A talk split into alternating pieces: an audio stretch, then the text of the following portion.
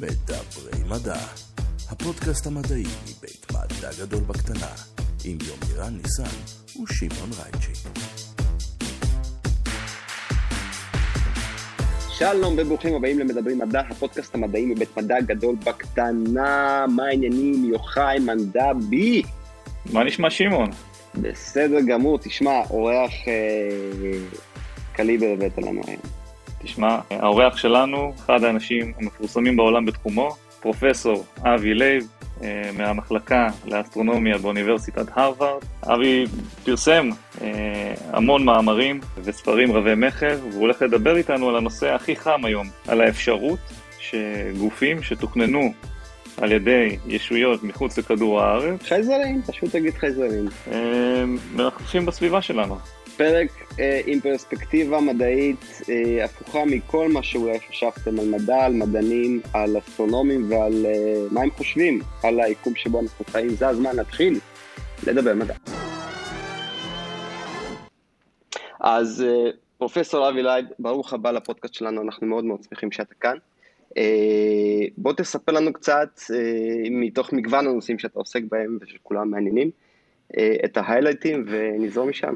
אמ, שמי אבי לייב, אני נולדתי במושב בית חנן, אה, גדלתי, אה, בילדותי אספתי ביצים אה, ונסעתי בטרקטור לגבעות של המושב בהם קראתי ספרי פילוסופיה.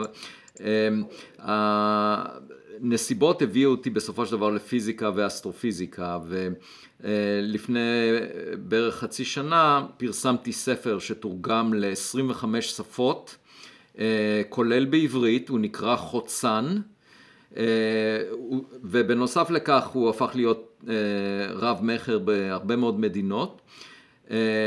זה מעבר ל-800 המאמרים המדעיים שפרסמתי עד היום.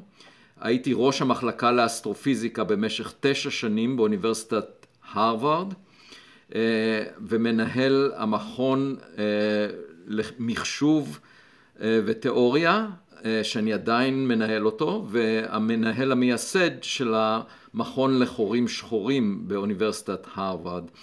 אה, עסקתי במשך הרבה שנים בסיפור המדעי של אה, ספר בראשית, שאיך נוצר האור הראשון ביקום, אבל לאחרונה, וזה הנושא שהספר שלי חוצן מתמקד בו, אני עוסק בסוגיה האם אנחנו הילדים החכמים ביותר בשכונה, אה, בשכונה הקוסמית אני מתכוון, ויש לכך אה, מספר עדויות מעניינות לאחרונה, ואני אה, הקמתי פרויקט לפני מספר חודשים שכבר מכיל 100 מדענים, ותוך מספר שבועות קיבלתי מיל... כמה מיליוני דולרים, אנשים מאוד עשירים שביקרו את החצר שלי בבית.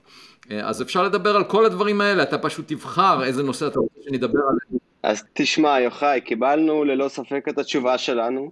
הפרק של היום יעסוק באיסוף ביצים וטכניקות אה, של אה, גופים לא עגולים וצורת הגלגול שלהם במורד ה... בנושא הזה, בנושא האחרון שהזכרת, אני רק רוצה להזכיר ששם הפרויקט שהקמתי לפני מספר חודשים נקרא פרויקט גלילאו, על שם גלילאו גלילי, שהכיר בכך שאנחנו לא במרכז היקום, למרות שאלף שנים לפניו, מאז אריסטו, אנשים האמינו בכך שאנחנו מאוד חשובים והיקום מרוכז סביבנו. אה, והוא אמר אה, לאנשים בתקופתו, בואו תסתכלו דרך הטלסקופ שלי, אבל הם סירבו להסתכל, הפילוסופים אמרו, אנחנו יודעים שהשמש מסתובבת סביב כדור הארץ. גלילאו גלילי אה, אמר, לא, אני חושב שכדור הארץ מסתובב סביב השמש. והפילוסופים סירבו להסתכל סביב הטלסקופ שלו כיוון שהם אה, היו בטוחים בכך שעמדתם נכונה. אה, ולכן החלטנו לקרוא לפרויקט שהקמתי על שם גלילאו כיוון שאנחנו מחפשים את התשובות דרך טלסקופים. היית חושב שהיום אנשים כבר יכירו אחרי 400 שנה בעובדה שמדע צריך להסתמך על עדויות. אבל אה, למרבה הצער, הרבה מדענים חושבים שהם יודעים את האמת עוד לפני שהסתכלו דרך טלסקופים, והרבה מדענים חושבים שאנחנו מאוד מיוחדים עדיין, ואולי אין חיים אינטליגנטיים מעבר לכדור הארץ. ואפילו בערך לפני ארבעה חודשים נכתב מאמר שפורסם ב... במגזין היוקרתי Nature, אסטרונומי, שבו פילוסוף טען שהעצם שאני מדבר עליו בספרי הוא חייב להיות טבעי, הוא לא יכול להיות מלאכותי, נדבר על זה אחרי כן, הוא נקרא הומואמואה, והוא העלה שיקולים פילוסופיים. וחשבתי לעצמי כשהסתכלתי על זה, לא למדנו משהו במשך 400 שנים שמגל... מזמן גלילאו, שאנחנו אמורים להגיע למסקנות על בסיס אה, צפייה דרך טלסקופים. אבל הסיבה שאני מזכיר את גלילאו זה כיוון שהשם גלילאו נגזר מהגליל בישראל. וגליל כמובן בעברית יש לו משמעות נוספת. אה, גיאומטרית. גיאומטרית, בדיוק. ואם קוראים את ארתור סי קלארק, יש לו אה, ספר שנקרא Rendezvous with Rama, שבו הוא מדבר על עצם גלילי שמגיע למערכת השמש והוא אה, שייך, הוא נשלח על ידי אה, אינטליגנציה אה, מפלנטה אחרת, טכנולוגית, ולכן יש פה קשר מאוד מעניין בין עברית, ישראל, גלילאו והפרויקט. אבי, למה אתה בעצם חושב שמדענים אחרים לא מוכנים אפילו ללכת בכיוון המחשבתי שיש אובייקטים שיכולים להגיע, שיכולות, שתוכננו על ידי גורמים או ישויות תבוניות אחרות? כלומר, מה הטאבו בנושא הזה? מדע אמור לבחון הכל. זאת שאלה, זאת שאלה מצוינת. יש, אני נשאלתי את השאלה הזאת במשך... מאז שיצא ספרי לפני בערך חצי שנה ובערך יותר מאלף פעמים, יותר מאלף רעיונות שהיו לי מאז ורק לפני מספר שבועות הבנתי את התשובה הנכונה והתשובה היא שהבעיה היא קשורה לאגו של המדענים ויש לזה כמה אספקטים. א', הרבה מהמדענים שעסקו ב... למשל ב... אבנים או, או, או סלעים ששייכים למערכת השמש, אה, רוצים אה, לה, להמשיך ולטעון שהם הם, הם, הם מומחים בתחום הזה, זאת אומרת שכל עצם שהם רואים בשמיים אפשר להסביר אותו כאבן, אוקיי? ועל ידי זה הם משמרים את התדמית שהם יודעים אה, את כל מה שצריך לדעת. וזו נטייה מאוד טבעית של מומחים במרכאות, אני קורא לזה במרכאות כיוון שהחלק המעניין של המדע זה, זה, זה עדויות שסותרות את, מה ש, את מה שכבר ידענו והרבה מהמומחים מאבדים את, ה, את המעמד שלהם ברגע שעובדות סותרות את מה שאנחנו יודעים אז לכן יש התנגדות טבעית לדברים חדשים וכל עצם שאנחנו נראה בשמיים הם יגידו אוקיי זה אבן מסוג אחר אז למשל אה, העצם הראשון שזיהינו בקרבת כדור הארץ, שבא מחוץ למערכת השמש, אה, התגלה בשנת 2017 אה, על ידי טלסקופ בהוואי, וניתן לו השם אומואמואה. ומיד אנשים... הנוסע מרחוק, המגיע ממרחקים ארוכים. נכון, המשמעות של השם היא נווט או מבקר מרחוק בשפה של הוואי, וכמובן שהמדענים שעסקו ב... אה, סלעים אה, בתוך מערכת השמש במשך עשרות שנים, מיד אמרו אוקיי זה כנראה שביט, אה, כיוון ששביטים הם עצמים שמגיעים מה, מהקצה של מערכת השמש וקל מאוד לאבד אותם ממערכת השמש אם עובר כוכב למשל נותן להם דחיפה. ולכן אפשר לדמיין הרבה כאלה שביטים שמגיעים אלינו מכוכבים אחרים אבל הם בדרך כלל אה, גוש סלע שמכוסה בקרח, וכשהוא מתקרב לשמש הוא מתחמם והקרח מתאדה, ואז רואים אה, זנב שביטי שמכיל אה, אבק ואדי מים. ולא היה שום עדות להתאדות של העצם הזה, אומואמואה. לכן הוא בפירוש לא היה מעל כל ספק, הוא לא היה שביט מהסוג שראינו במערכת השמש. אפילו טלסקופ החלל של ספיצר חיפש אה, בקפדנות אה, מולקולות של פחמן סביבו ולא מצא. אה, ולכן אנחנו יודעים בוודאות שהוא לא שביט. ואז הם אמרו, אוקיי, אולי הוא פשוט גוש אבן, אבל הסתבר שכשהוא הסתובב כל שמונה שעות, כמות האור שהוחזרה ממנו השתנתה פי עשר. וזה אמר שיש לו צורה גיאומטרית מאוד קיצונית וההתאמה הטובה ביותר לנתונים הייתה של גוף שהוא בצורה של פנקייק, שטוח. ובנוסף לכך הוא הראה דחיפה הרחק מהשמש אה, שהדרך היחידה להסביר אותה הייתה להגיד שהחזרת אור השמש דוחפת אותו. וזה אה, אפשרי בגוף שהוא מספיק דק כמו מפרשית ולכן אה, במאמר שכתבתי יחד עם פוסט דוקטורנט שהגיע לקבוצה שלי שמואל ביאלי הצענו שאולי הוא נוצר באופן מלאכותי ובאמת אה, לפני שנה, בספטמבר 2020, התגלה גוף נוסף על ידי אותו טלסקופ, שנדחף הרחק מהשמש אה, כתוצאה מהחזרת אור השמש, ולא היה סביבו שום ענן שביטי. ניתן לו השם 2020 אה, SO, ואז האסטרונומים שגילו אותו הגיעו למסקנה שהוא למעשה הגיע מכדור הארץ, הוא מעטפת של חללית שנשלחה לירח בשנת 1966. מה? ובאמת הקירות של אותה מעטפת היו דקים ולכן אה, הוא נדחף על ידי, הש... על ידי החזרת אור השמש וברור שאנחנו ייצרנו אותו באופן מלאכותי את העצם הזה, את 2020 SO. נשאלת השאלה מי יצר את אומואמואה וה...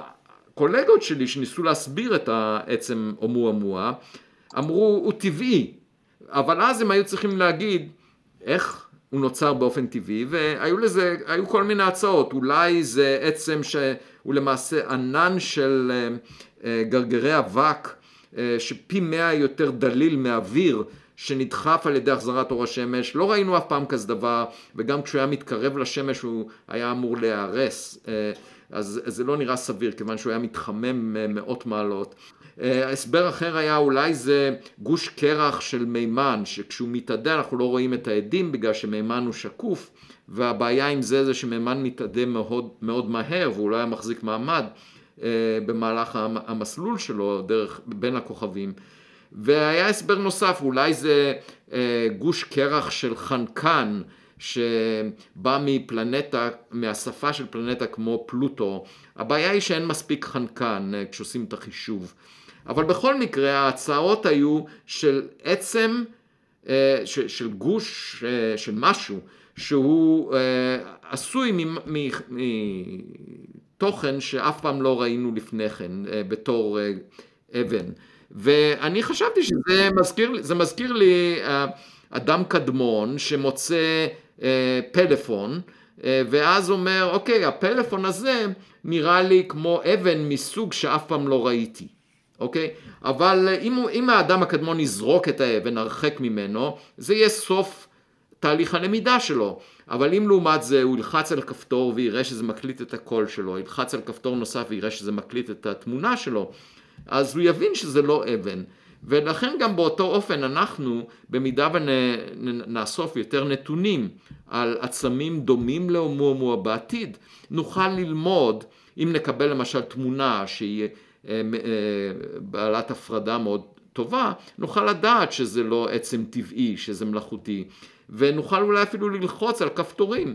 כי אומרים שתמונה שווה אלף מילים. במקרה שלי תמונה שווה 66 אלף מילים, מספר המילים בספר שלי, חוצן. אה, כשאנחנו בעצם אה, מסתכלים אה, על אומומה, בעצם אנחנו רואים הזדמנות בכל כיוון, כי גם עם כל מי שרוצה להציע תיאוריה חלופית למה שאתה מציע, בעצם עדיין יש פה הזדמנות, יש פה משהו חדש שנלמד על הגופים שנכנסים אה, למערכת השמש. עכשיו באמת אה, גם אה, השאלה, אני ניסיתי לחשוב עם עצמי כשעשיתי קצת מחקר לנושא הזה, למה אנש, באמת יש טאבו כזה של לשקול שהאובייקט יכול להיות שתוכנן על ידי גורמים תבוניים מחוץ למערכת השמש, וניסיתי לחשוב על מדענים שאולי אומרים למה אני רוצה להיכנס לשאלות האלה, אולי זה יביך אותי, ובאיזשהו מקום כשאנחנו מסתכלים על מדענים, אנחנו בתור המדע, אתה יודע, טהור, אנחנו צריכים להביא אה, תיאוריה מסוימת שאמורה לנבא את, ה, מה שקורה, שאנחנו יכולים לעשות ניבוי על מה שיקרה בעולם הטבע, ובסוף אם יש תצפיות שמאששות את זה. במקרה הזה, לכאורה, מה, איזה נזק יכול להיות מלהציע איזה משהו שהוא באמת יוצא מן הכלל, אבל אפשר לבחון אותו אולי בעתיד. איך, איך עובד עולם המדע בהקשר הזה? כן, זו נקודה מצוינת, אבל הרבה פעמים אנשים דואגים לתדמית שלהם. הם רוצים להישאר אה, מכובדים בקהילייה ולא לקחת סיכונים. אה, ולמרבה הצער זה מוביל אותם אה, לא לחדש הרבה, כי אם אתה מסתכל על הקריירה של אלברט איינשטיין למשל, המדען החשוב ביותר של המאה ה-20, בעשור האחרון לקריירה שלו הוא עשה שלוש טעויות מאוד בולטות. הוא אמר שחורים שחורים לא קיימים, הוא אמר שגלי כבידה לא קיימים, והוא אמר גם שתורת הקוונטים יש לה פעולה על, על פני מרחק בצורה מאוד מוזרה שהוא לא חושב שהיא אמיתית. וכל זה הסתבר כלא נכון. Uh, עכשיו, זו uh, דוגמה ל, ל, לטענה שכדי ללמוד במדע, כדי uh, לעבוד בחזית של המדע, צריך לקחת סיכונים, אין ברירה, ואפשר לעשות טעויות, זה חלק מתהליך הלמידה. אבל רוב האנשים, רוב המדענים שרוצים לקבל פרסים, לקבל הכרה, אה, לא, לא מוכנים לקחת סיכונים. למעשה הרעיון של קביעות באוניברסיטה נועד לתת אה, אה, ביטחון מבחינת ה, לאנשי האקדמיה, לאנשי המדע, שלא לא צריכים, לא יצטרכו לדאוג על, על המעמד שלהם וינסו לחפש את האמת ולקחת סיכונים. היית מצפה שבאקדמיה אה, תהיה הרבה יותר חדשנות מאשר בתעשייה. אבל היום, למרבה הצער, אה, לא רואים את זה. אפשר לראות הרבה חדשנות אה, בתעשייה. יש קבוצות אנשים בארגונים שמטרתם להרוויח כסף. שחושבים בצורה הרבה יותר מקורית וחדשנית מאשר אנשים באקדמיה. וזה דבר שלא היית מצפה על בסיס של המערכת האקדמית.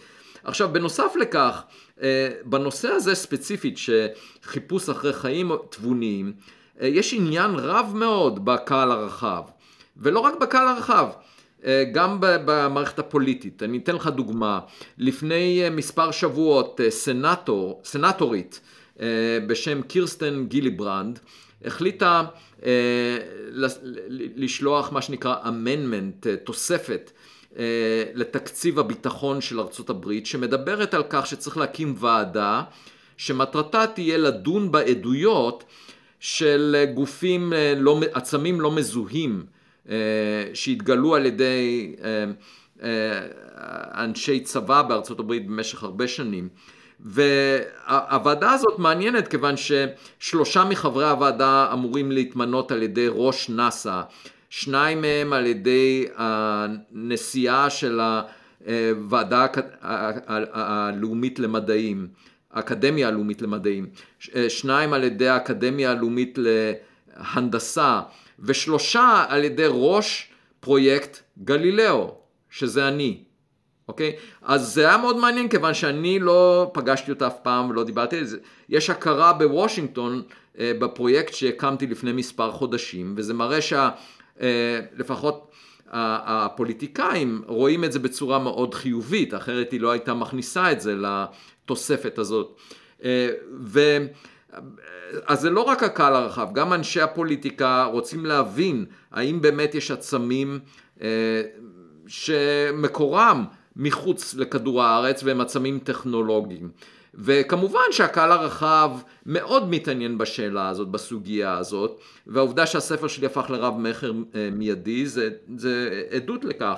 אבל משום מה יש ביטול של הנושא הזה בקהילה האקדמית. ואני רואה בזה בתור אה, בגידה של הקהילה האקדמית במטרה אה, הבסיסית שלה לשרת את החברה.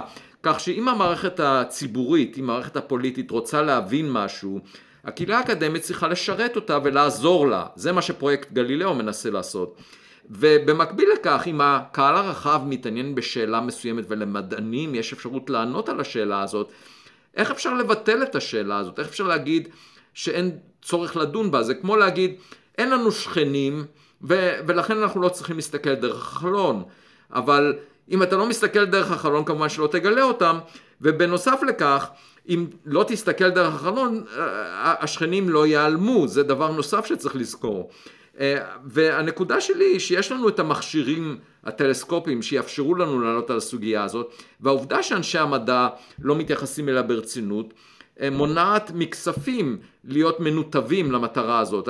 בעבר הסתכל, חיפשנו אותות ברדיו במשך 70 שנה, והרעיון של זה זה כמו לנסות ולקיים שיחת טלפון. אתה צריך שהצד השני יהיה בחיים, אבל כמובן שיש גישה נוספת, אם הצד השני חי זמן קצר, אז ההזדמנות שלך לעשות תקשורת היא מאוד מצומצמת.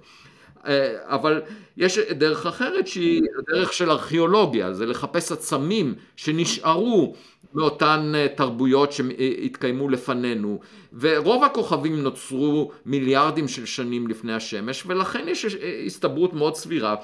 אנחנו יודעים שחצי מהכוכבים דמויי השמש, יש סביבם פלנטה מסדר, בגודל של כדור הארץ בערך באותו מרחק, אז, אז סביר מאוד שהיה משהו לפנינו, ו, וצריך לעשות ארכיאולוגיה בחלל, לחפש עצמים. זה שינוי פרדיגמה בעצם, כי אנחנו בתור חיים כן. תבוניים, כל, כל הטכנולוגיה שיש לנו, אנחנו פיתחנו.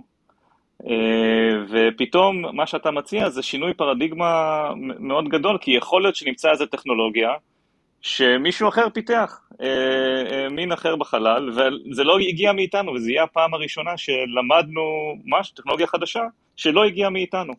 וזה רעיון רדיקלי. כנגד זה אנשים אומרים, אה, כדי לדון בנושא הזה, המדענים אומרים, אנחנו צריכים עדות חד משמעית. אה, זה, זה משפט שאמר קארל סייגן, extraordinary claims require extraordinary evidence. הבעיה היא שברגע שאתה טוען שאתה צריך לשים את הרף מאוד גבוה, אתה גם לא מחפש את העדות הזאת. וזה נבואה שמגשימה את עצמה, אם אתה לא מחפש אתה לא תמצא, אם אתה לא מקדיש משאבים לנושא הזה.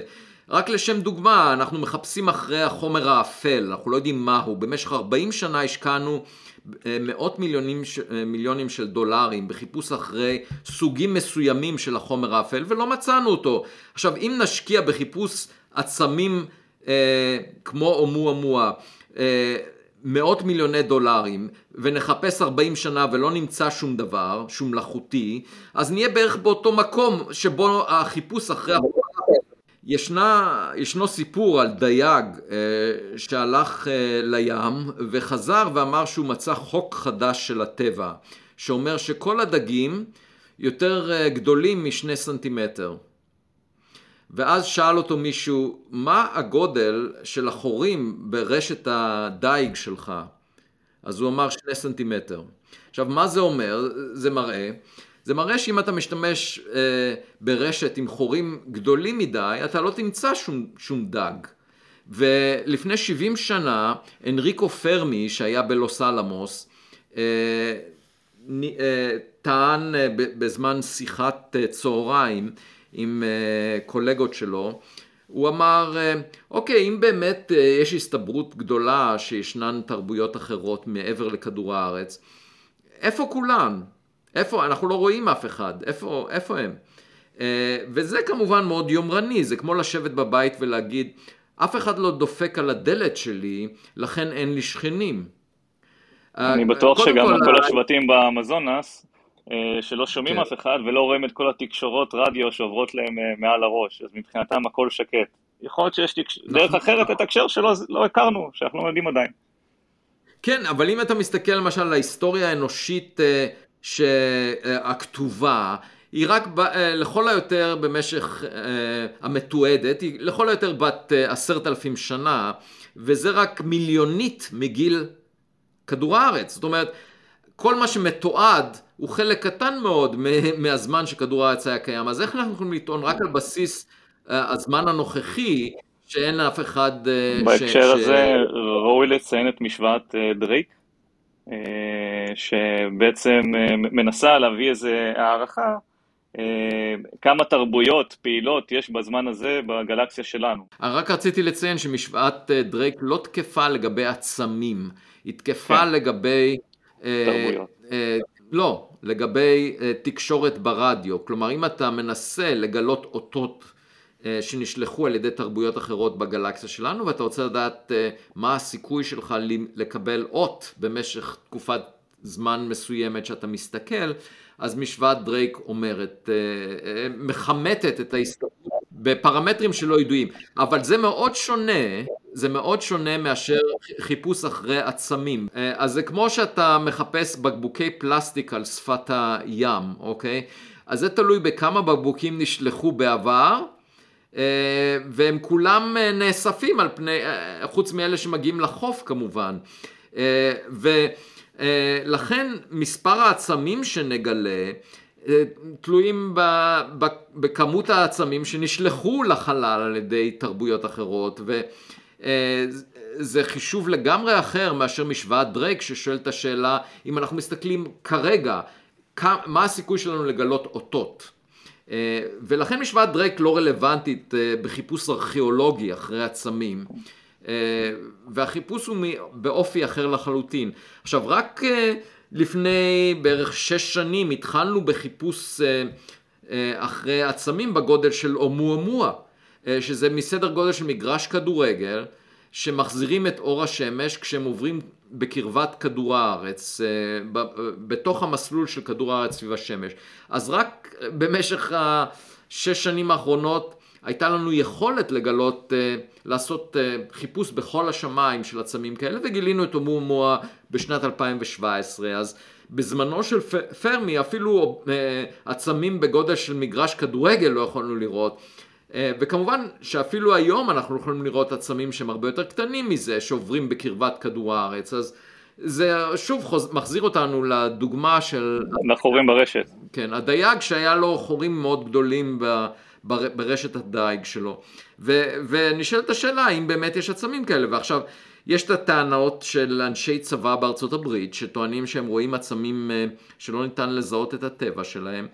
וחלק אחד מפרויקט גלילאו הוא באמת להשתמש בטלסקופים כדי לראות את העצמים האלה בצורה יותר טובה ולקבל תמונה בהפרדה גבוהה כך שנוכל לקבוע האם הם נוצרו למשל ברוסיה או, בסין או נוצרו בפלנטה אחרת.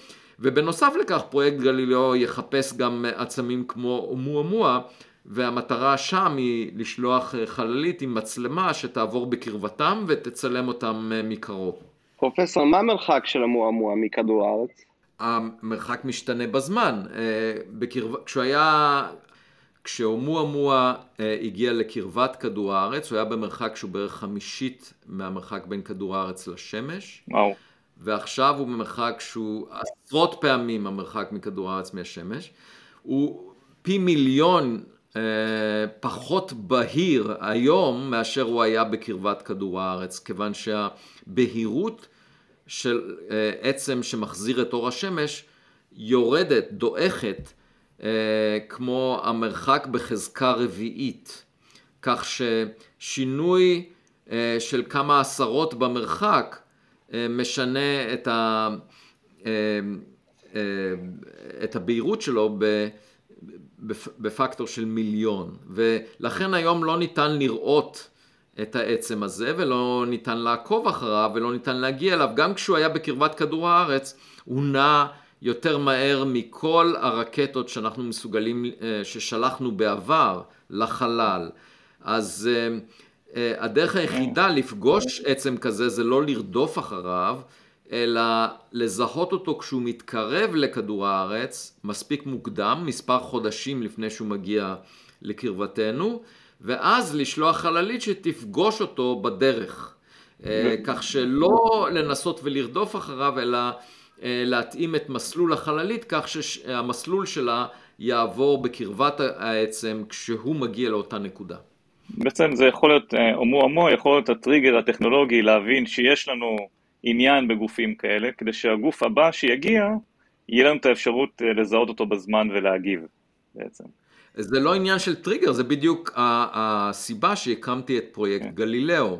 פרויקט גלילאו מטרתו לעשות בדיוק את מה שאתה אמרת, כך שהרעיון הזה כבר מבוצע כרגע כן. במסגרת כן. פרויקט גלילאו, והמטרה היא במידה ונשיג את הכספים הנדרשים, אה, לשגר באמת חללית ש... ש...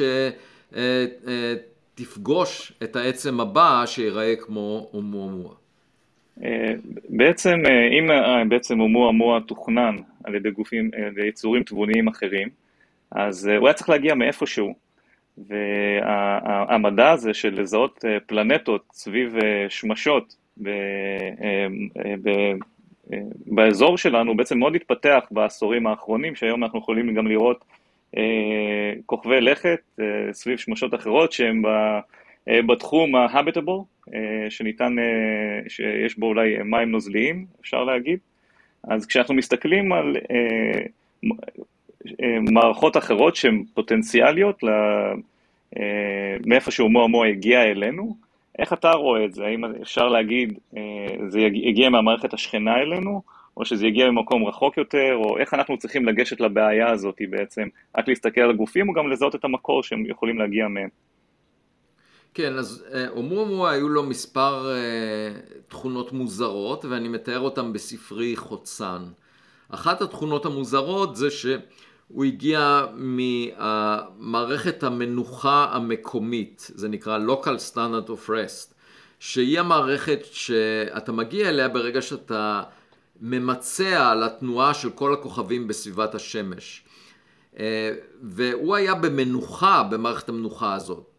אה, זה כמו מצוף שהיה, שנמצא במנוחה על שפת הים, שספינה גדולה נתקלת בו, והספינה במקרה הזה היא מערכת השמש.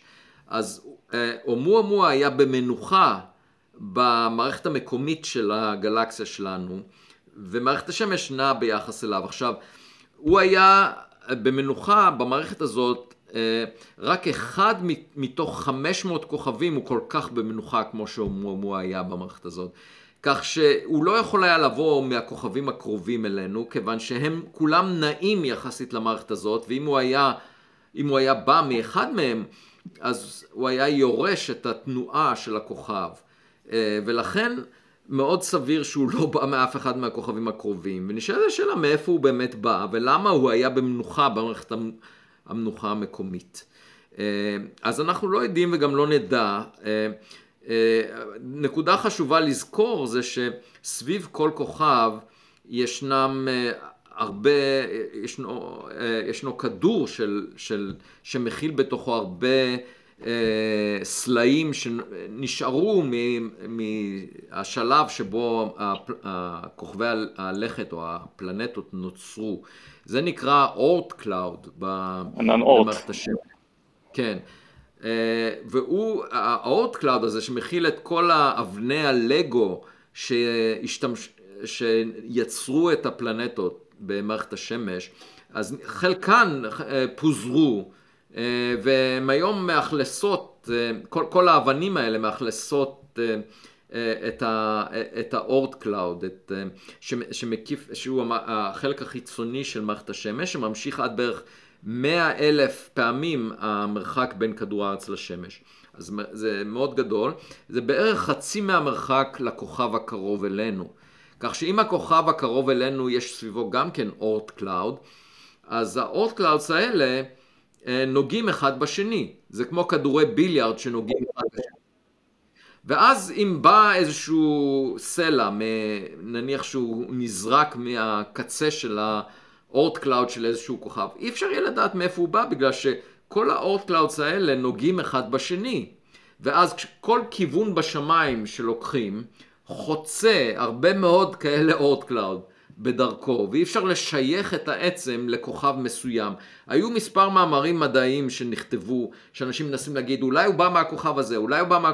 קודם כל, עצם זה שהוא בא מהמערכת המנוחה המקומית, מצביע על כך שהוא לא בא מאף כוכב קרוב, וחוץ מזה, בכל כיוון בשמיים שניקח, הכיוון הזה עובר דרך ה Oort cloud של כוכבים, שזה למעשה כל הכוכבים בכיוון הזה.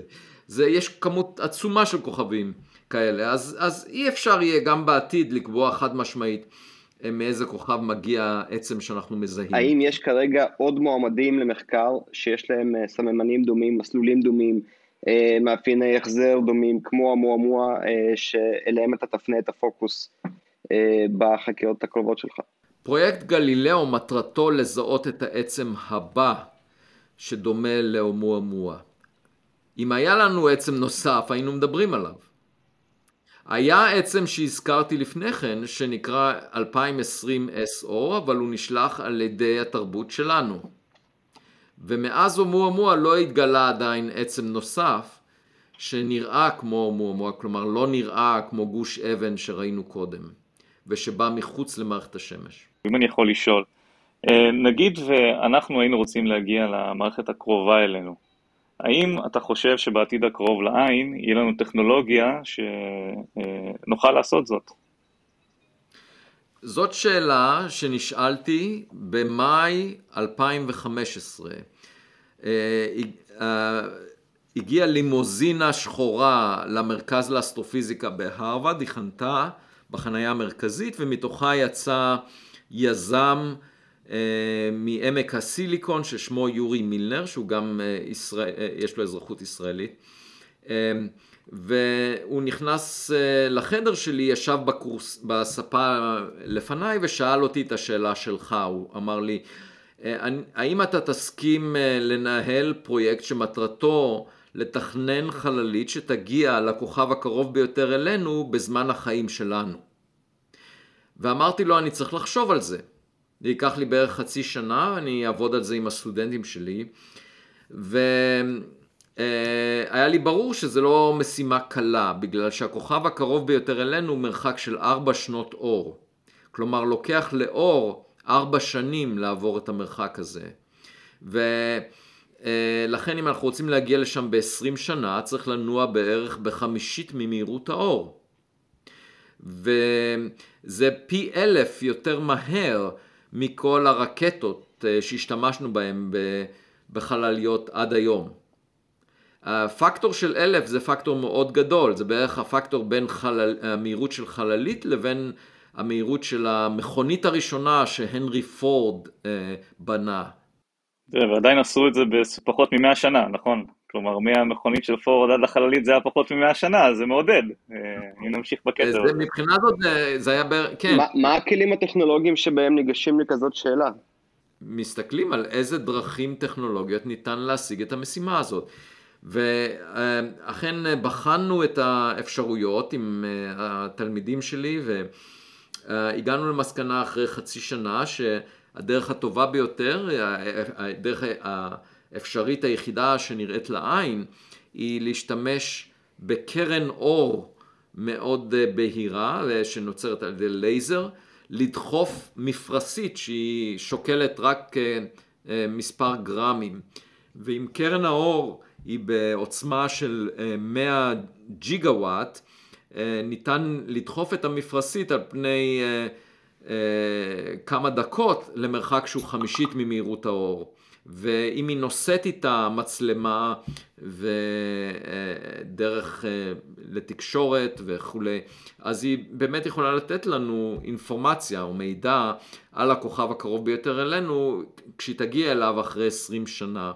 אז אה, כשהגעתי למסקנה הזאת, אה, הייתי בישראל בביקור בחופשת החורף שלי בתל אביב, ואשתי רצתה לבקר בחוות עיזים בנגב. אה, בסוף שבוע, אז איך ש... בדיוק לפני שהייתי אמור לצאת מחדר המלון בתל אביב, קיבלתי טלפון מהעוזר של יורי מילר, שאמר לי שתוך שבוע הוא רוצה שאני אדווח לו על המסקנות. ואמרתי, אוקיי, אני אעשה את זה, ואז הגענו לחוות העיזים ולא היה שם אינטרנט, חוץ מאשר במשרד. אה, של חוות העיזים. אז למחרת בשש לפנות בוקר ישבתי עם הגב שלי למשרד של חוות העיזים ועבדתי על המחשב שלי, הלפטופ, אה, להכין את ההרצאה ליורי מינר והסתכלתי על העיזים שנולדו רק יום קודם שהיו לפניי ו... וחשבתי שמנהל חוות העיזים לא דמיין אה, אי פעם שהטיול, הרעיון אה, לטיול לכוכב הקרוב ביותר אלינו, אה, ינוסח אה, בחוות העיזים שלו.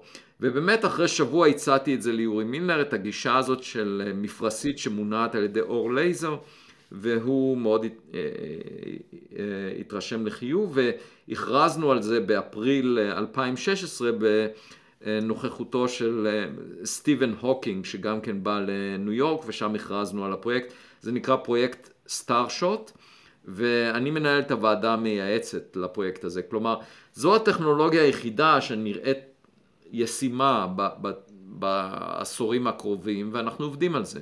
התאוצה בעצם תהיה בסביבה הקרובה לכדור הארץ, כלומר היא מאוד מהר תגיע לחמישית ממהירות האור, אה, ואז בעצם אה, אה, היא תנוע במהירות שיש לה בעצם, אז לא צריך להקרין את הלייזר נכון. למרחקים ארוכים. נכון, אז במקרה הזה מדובר על האצה של כמה דקות, והמפרשית תעבור מרחק שהוא חמש פעמים המרחק לירח בזמן הזה. אה, והיא תתחיל את המסלול שלה מעל האטמוספירה, כיוון שהלייזר, אה, אחרת היה, הייתה התנגדות לדחיפה שלה על ידי הלייזר בתוך האטמוספירה. אז השיגור מתחיל מעל האטמוספירה ואז היא נדחפת על פני מרחק שהוא חמש פעמים מרחק לירח. ואז אחרי כן יש אה, שיוט אה, בקו אה, ישר של, וצריך לנבא את הכיוון שבו אנחנו רוצים לדחוף אותה, כך שהיא תגיע אל הכוכב הקרוב אלינו בזמן הנכון, במקום הנכון. תוך 20 שנה בערך. הזמן שייקח לחללית להגיע לכוכב הקרוב הוא 20 שנה, במידה והיא נעה בחמישית ממהירות האור. אז השיגור הוא מספר דקות, ומהלך הטיול הוא 20 שנה, ואז ברגע שהחללית תצלם את ה... אה, למשל הפלנטה ליד הכוכב הקרוב ביותר אלינו, שהוא נקרא פרוקסימה סנטאורי, יש פלנטה באזור הישיב שבו חיים אפשריים, אה, ואם היא תצלם את הכוכב, את הפלנטה הזאת, אה, ייקח ארבע שנים לתמונה להגיע אלינו. אז צריך סבלנות בנושא הזה של 24 שנים מאז השיגור. ולכן אה, גם מדע בדיוני, סיפורים של מדע בדיוני אף פעם לא מרגשים אותי כיוון שהם סותרים את חוקי הפיזיקה. אין, אין שום סיכוי שאנשים ייהנו מטיול בין כוכבים, אה, כיוון שהטיולים האלה לוקחים, אה, אורחים הרבה מאוד זמן, והרבה יותר סביר שאנחנו נשלח מערכות מלאכותיות שעשויות למשל, שמכילות בינה מלאכותית, מאשר נשלח אנשים למסעות אה, בין כוכביים. שזה כמו, יכול להיות שזה גם במקרה של אומו, שתרבויות אחרות גם אה, הבינו שזה הדרך אה, להגיע למקומות אחרים אה, בגלקסיה, וגם להם אולי יש את המגבלות שלהם. בדיוק, אה, ולכן הציפייה שלי זה במידה ו... נגלה עצמים ששוגרו על ידי תרבויות אחרות, טכנולוגיות שאולי הרבה יותר מתקדמות מאיתנו, הם לא יכילו אה, אה, אה, חיות או, או גופים חיים בתוכם, אלא יהיו יותר אה, עשוי, אה, עשויים מאלקטרוניקה ויכילו בינה מלאכותית, וכדי לפרש את מה מטרתם, נצטרך להשתמש בבינה המלאכותית שבמחשבים שלנו. זה כמו להסתמך על, על ילדים שיפרשו לנו תוכן שאנחנו מוצאים באינטרנט, כיוון שהם הרבה יותר רגילים, הרבה יותר טובים בעבודה עם מחשבים. אה, והרעיון הוא שבינה מלאכותית, אה, כמו שהיא כיום משתמשים בה כדי אה, לבנות מכוניות שנוהגות בלי נהג, אה, בעתיד נוכל לשגר אותן אה, מערכות כאלה לחלל והן יהיו אוטונומיות, עצמאיות, אה, הם לא ידרשו הנחיות מאיתנו. הדבר שאני לוקח מה, ממה שאמרת כאן בעיניי שהוא מדהים זה 20 שנה לכוכב הקרוב ביותר כשאנחנו אחרי 50 שנה אחרי שיגור של וויג'ר ואנחנו הגענו בסך הכל לקצה מערכת השמש אז מה שאתה מציע כאן וה... פרספקטיבות שאתה אה, מדבר על לפתוח אה, למין האנושי הן פנומנליות אה, מכל זווית אפשרית.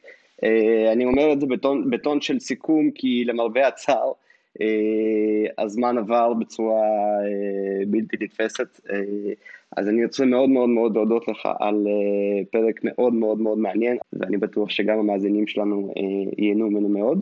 אה, אנחנו כמובן כהרגלנו מזמינים אותך בעתיד לחזור אלינו אל הפודקאסט בתקווה בלי כל התקלות הטכניות כשתהיה התקדמות, כשהפרויקט אה, אה, יעבור שלב או כשאני בטוח שזה רק עניין של זמן עד שתהיינה תגליות חדשות בתחום אסטרואידים בצורת סיגר, שמעלים לכולנו המון המון המון המון סימני שאלה. פרופסור, תודה רבה על הזמן שלך, תודה רבה על הפרספקטיבה המאוד לא שגרתית ואמיצה שאתה מציב בפני העולם המדעי, בפנינו. זהו, היה ממש כיף, יוחאי? אני מאוד נהניתי.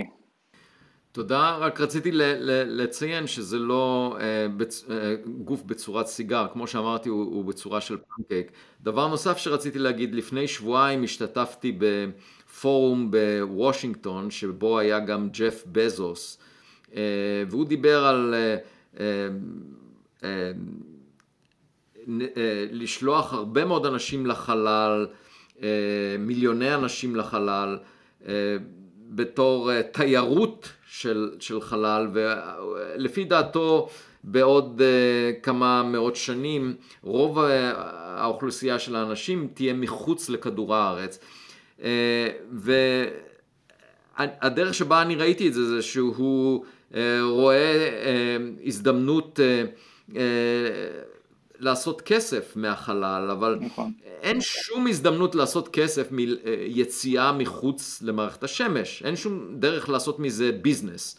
אה, הדרך היחידה אה, אה, לתת לזה מוטיבציה זה רוחניות, מחשבה על מה שנמצא מעבר למקום. כן, אבל יש אלמנט שמשותף בחיפוש בחלל, בין חיפוש בחלל לבין רוחניות, כיוון שאם נמצא אה, תרבות הרבה יותר מתקדמת מאשר אנחנו אה, מבחינה מדעית, זה יהיה, אה, היא תהיה דוגמה לקירוב טוב למה שאנחנו קוראים אלוהים, מבחינה זאת שהיא תוכל לעשות דברים שאנחנו אפילו לא מסוגלים לדמיין. ייתכן מאוד שמדע מאוד מתקדם יכול ליצור חיים, אנחנו כבר כמעט מתקרבים לזה, ליצור חיים במעבדה. אה, ומדע מאוד מתקדם יוכל אפילו ליצור אה, יקומים אה, במעבדה. אז ייתכן מאוד שתרבות שהיא מאוד, הרבה יותר מתקדמת מהתרבות שלנו באופן מדעי, תהיה קירוב טוב לאלוהים, אוקיי? מבחינתנו. ולכן אה, הטענה שלי היא שיש בחיפוש אחרי תרבויות יותר מתקדמות, בסקרנות מה נמצא שם בחלל, יש אה, מכנה משותף עם רוחניות. אז הנה קיבלנו אה, אולי את הדבר שאנחנו תמיד מחפשים בפודקאסט הזה, שזה בדיוק את הנקודות האלה, איפה המדע פוגש את בני האדם שעוסקים בו ברמה האנושית, ברמה ש... מדע בעצמו לא יכול תמיד להסביר, אלא רק אנחנו כבני אדם יכולים לחוות. אה, יופי כזה ופרופסור, אני חושב שאלה היו מילות סיכום אה, מרהיבות. אז שוב תודה לך, שוב תודה ליוחאי, תודה לכם המאזינים העיקריים שלנו. צרו איתנו קשר בכל המדיות החברתיות האפשריות, חפשו אותנו בפטריון שלנו ותתרמו לנו כדי שנוכל להביא עוד אורחים מהממים כמו אבי לייב. אה, עד הפרק הבא, אנחנו נשתמע ממש בקרוב, יאללה ביי.